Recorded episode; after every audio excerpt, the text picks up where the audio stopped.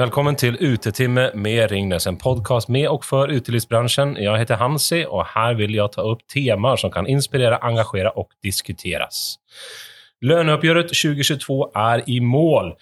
Alltså det vill säga mäklingen mellan hotell, eller för hotell og restaurantnæringen. Etter 15 timmars mäkling på övertid. Eh, Och med oss idag har vi Magne Kristiansen som er forhandlingsleder og direktør i arbeidslivspolitikken i NHO Reseliv. Han ska reda upp lite begrepp och förklara vad som har skett. Vad skedde kanske i 2020 kontra 2022? Eh, Vi ønsker deg velkommen. Først kan du presentere deg selv. Hvem er det vi sitter med i dag? Ja takk, jeg heter Magne Christensen. Er advokat og avdelingsleder for juridisk avdeling Mm. i NHO Reiseliv. og Forhandlingsleder i, i lønnsoppgjørene, Mm. som vi nettopp har hatt med på Riksavtalen. Mm. Men jag tänker före vi reda upp begreppen här, för vi har ju någonting som kallas för huvuduppgör og så har vi mellanuppgör. Hva er det som skiljer de här två? För det var ju ett huvuduppgör her. Ja, nettopp. Ehm, Det er jo sånn at ehm, tariffavtalene inngås for to år av gangen. Mm.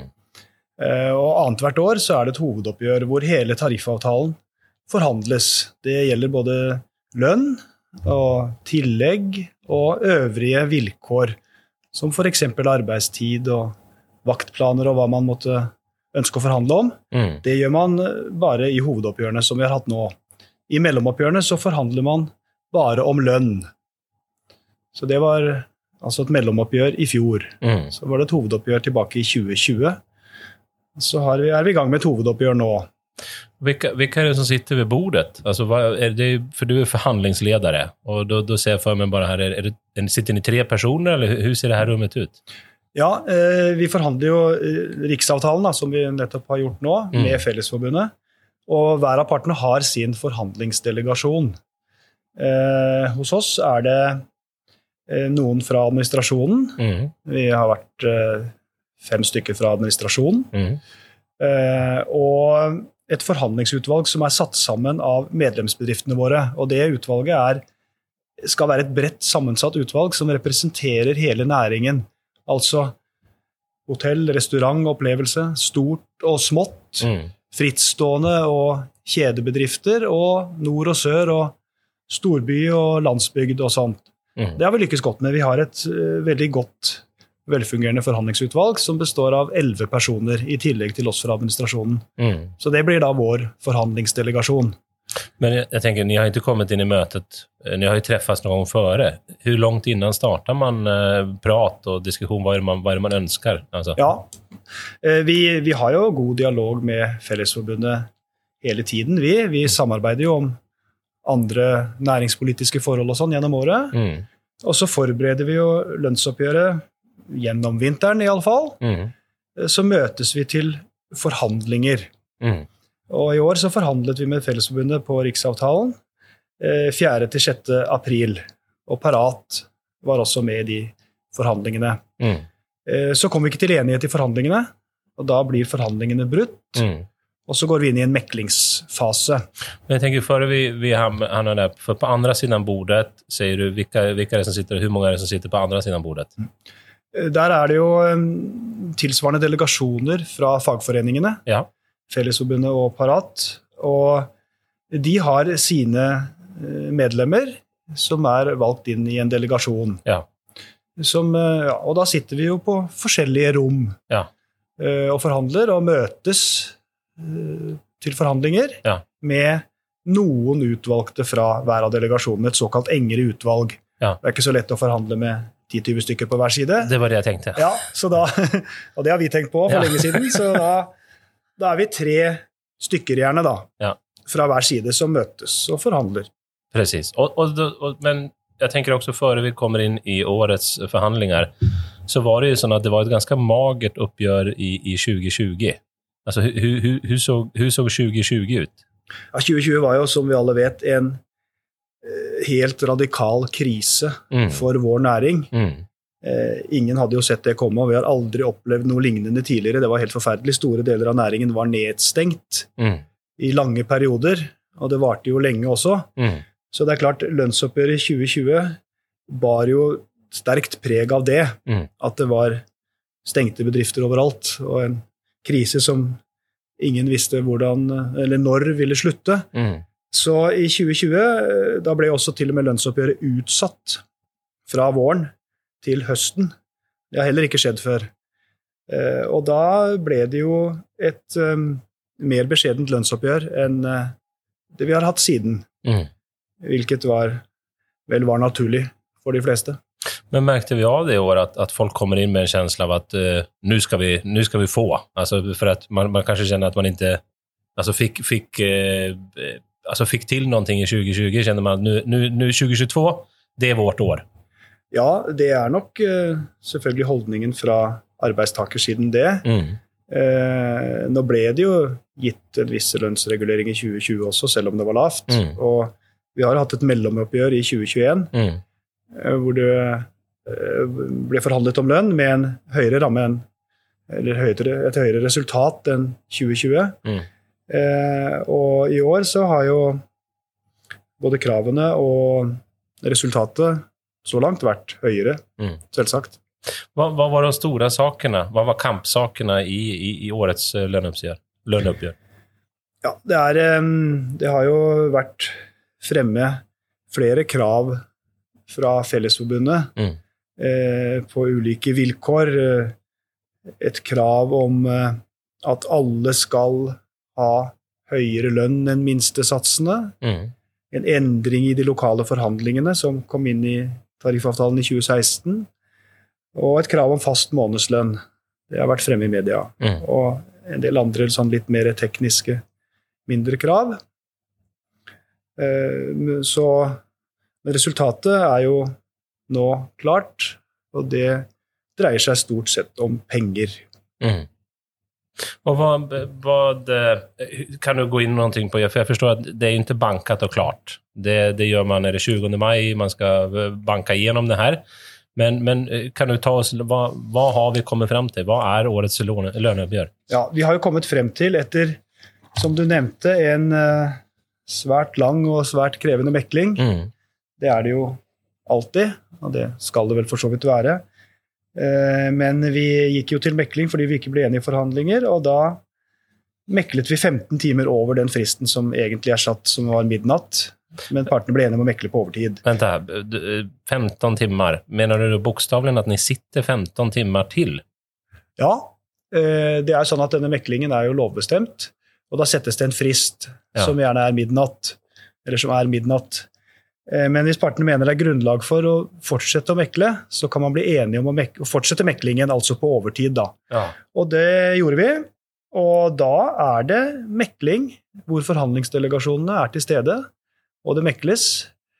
Eh, Så det er, og det fant altså sted i 15 timer etter Så- den fristen. Så jeg vil bare forstå her at ni, ni møter opp om morgenen, er det åtta ni møter opp? Ja, 9-10. 9-10. Og så går det til midnatt. Ja. og så sier ni, ska vi, skal vi kjøre 15 timer til? ja, vi jo Vi ønsker jo ikke å holde på 15 timer, noen av oss, tror jeg, Nei. men vi blir enige om å mekle på overtid. Og da blir det noen ganger sånn at det tar lang tid å komme i mål.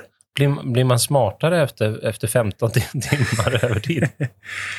Nei, jeg tror nok ikke det. Nej. Eh, Det er jo en eh, krevende øvelse, det der. Ja.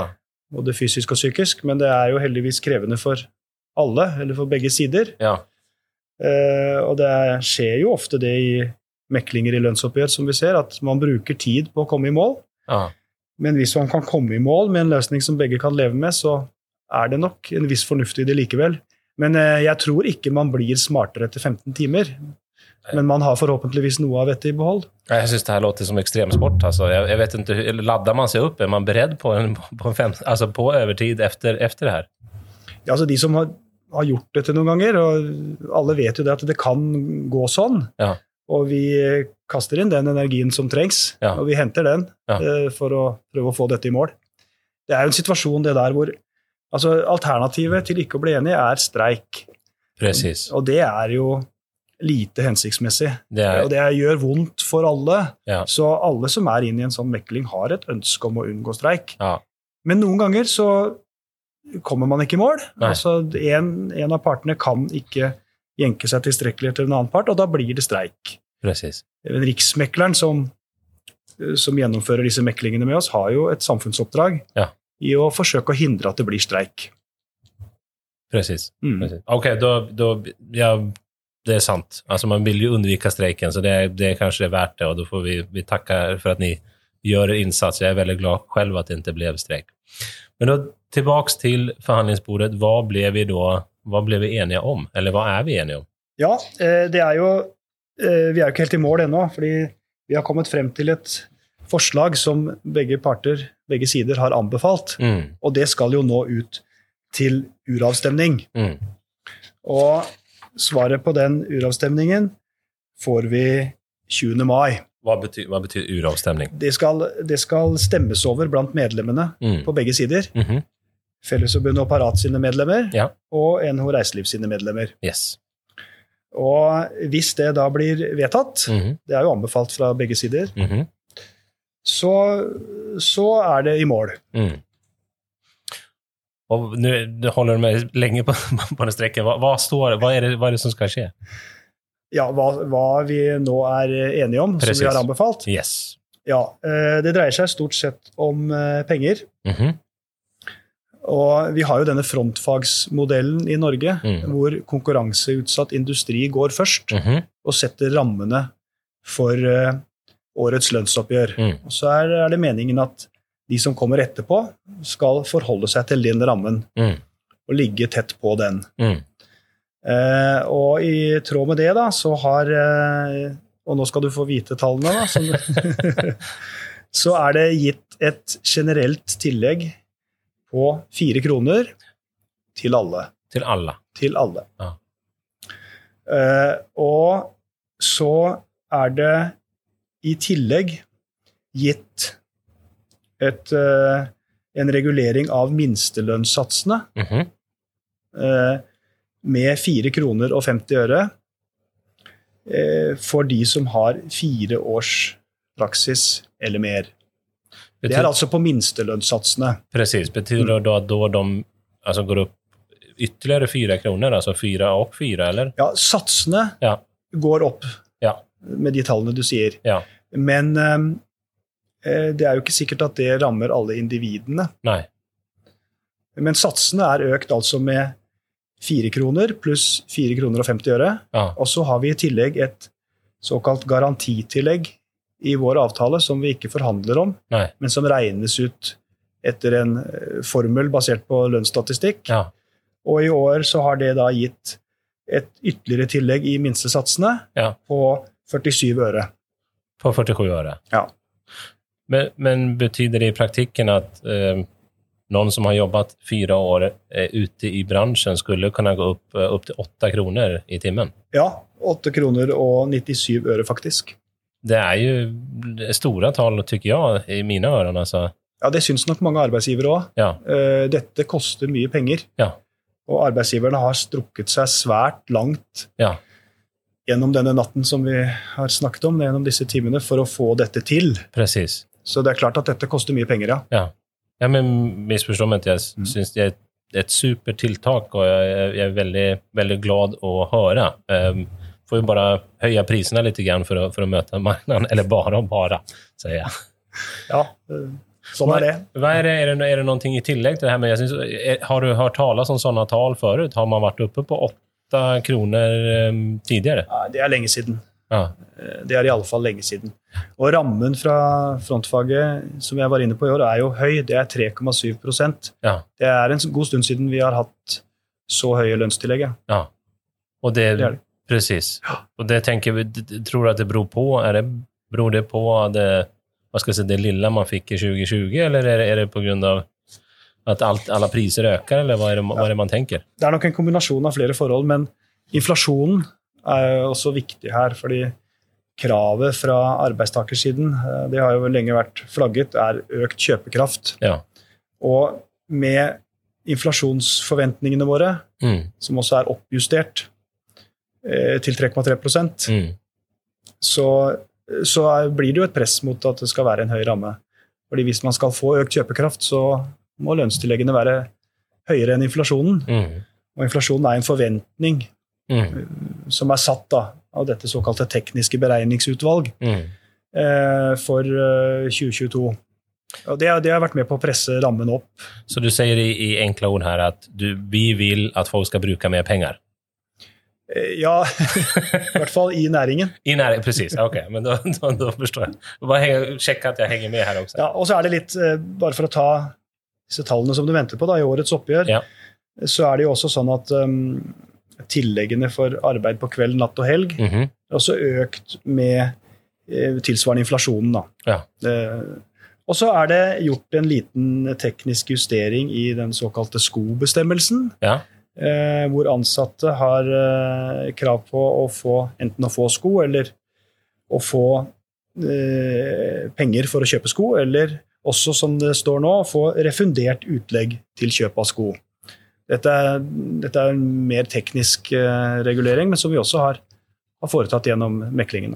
Men Hvordan forandres det angående, det var vel 800 kroner altså, som man kunne få tidligere som et tillegg? Så hur er det annerledes? Det er ikke annerledes. Nei, okej.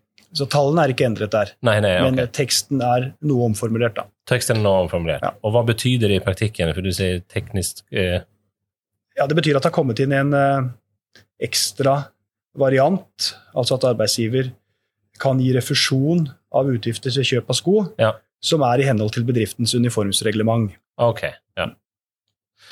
Og så, ja, så må jeg også ta med at det har kommet eh, noe tekst fra frontfaget Ja. som gjelder for de mange andre også har tatt inn, og det går på eh, likestilling og rett til etter- og videreutdanning, Ja, og litt om arbeidstøy. ja. Det er eh, litt mer eh, altså bestemmelser som er mer gjennomgripende, som eh, kom fra frontfaget, og som andre næringer også tar inn. da. Ja, Mm. Men det, det er eh, lang tekst som eh, blir fører for langt å gå inn på her, tror jeg. Men eh, bare så det også er nevnt, da. Og det er også, Når det gjelder etter- og videreutdanning, så kan man jo nevne at eh, det har kommet til en bestemmelse om at man kan avtale kompetansehevende tiltak Ja. eh, som den ansatte skal gjennomføre, Ja. med inntil 7,5 timer per år. Ja. Betalt med ordinær lønn. Presis. Mm. Men det låter jo veldig bra. Det betyr altså at bedriften kan si at 'jeg vil at du skal lære mer. Ja. Ja. Det er i tiden, det, med kompetansehevning. Ja, det syns jeg låter helt, helt, helt supert for min del. Så bra. Ja, nej, eh, men eh, någonting här, för du säger att upp, alltså, när man har jobbat fyra år ute så kan man få ytterligare fyra kronor, men då betyder det att de som inte har varit fyra år i branschen, eh, de, de får på något sätt nöja sig med de fyra kronorna, inte, inte de åtta kronorna. Varför tror du vi landar där? Det er jo, eh, altså Partene her har jo prioritert eh, å legge mer på de som har lengre erfaring. Mm. Og da kan man jo si at de som har eh, bransjen mer som et yrke, som en jobb, Mm. og jobber der over tid, at de har fått et høyere tillegg. Mm. Uh, Så det er jo, sånn- sånn er det jo i alle lønnsoppgjør, at man de, ulike, eller de, de to sidene velger litt hvor de vil prioritere sine krav og Mm. sine tilbud. Uh, Så det er, men i år ble det altså sånn at de som har lengre erfaring og har eh, reiselivsnæringen som et yrke, Mm. vil få høyere, høyere satser enn de som um, har vært der kort tid. Det er jo en del turnover i vår næring. altså noen Det er mange som ikke jobber der så lenge, men nå er det altså foretatt en prioritering som gir de som har jobbet der lenge, eh, mer. Men vi har, vi har prata her en del programmet tidligere om, om det der altså med att folk ska ta fagbrev och så. Är, är det så att vi skiljer någonting på folk som har fagbrev kontra folk som inte har fagbrev i, i löneuppgöret? Ja, det er ulike satser for de som har fagbrev, og de som ikke har fagbrev. Ja, det har stått der lenge. ja. Det, det vet jeg. Ja. Men i dette, i dette oppgjøret Ja. så er det ikke endret noe på det. Ja. precis. presis. Men, men jeg tenker også at for nå gjør vi et reelt, eller vi gjør, syns jeg, et reelt hopp här. Eh, tror du det är, tror du også er drevet av mangel av folk i bransjen? Tror du at det kan ha hatt noen, noen betydelse? Det er jo Blir spekulasjon, kanskje? ja, det blir nok spekulasjon, Ja. men, men det er jo generelt mm, mangel på arbeidskraft i mange næringer. Ja. Det er ikke spesielt for vår næring. Nei. Veldig mange næringer har fått et stort behov for arbeidskraft, Mm. og det er mangel på arbeidskraft i ulike segmenter og ulike steder. Eh, Så det er ikke noe problem som er spesielt for reiselivsnæringen. Nei. Eh, Men eh, det er sterk, et kraftig behov for arbeidskraft der ute. Nej, men jag, eh, är det någonting jag har glemt? Det er sikkert noe vi har glemt eh, begge to, men eh, Ja. det er i hvert fall en gjennomgang av prosessen og årets oppgjør, Ja. som nå skal ut til uravstemning. Jag syns det, det låter i alla fall helt strålande i mina öron. Både videreutdanning och, och mera be, be betalt til till, folket. Magne, jeg takker deg for ditt besøk Kristiansen, og forklaringen her. Jeg ønsker deg lykke til videre. Og jeg vil takke ansvarlig eh, redaktör Johanna Ellefsen Rostad og producent Nils Nirisrud. Og husk å like, del og abonner. Takk for i dag. Mange takk.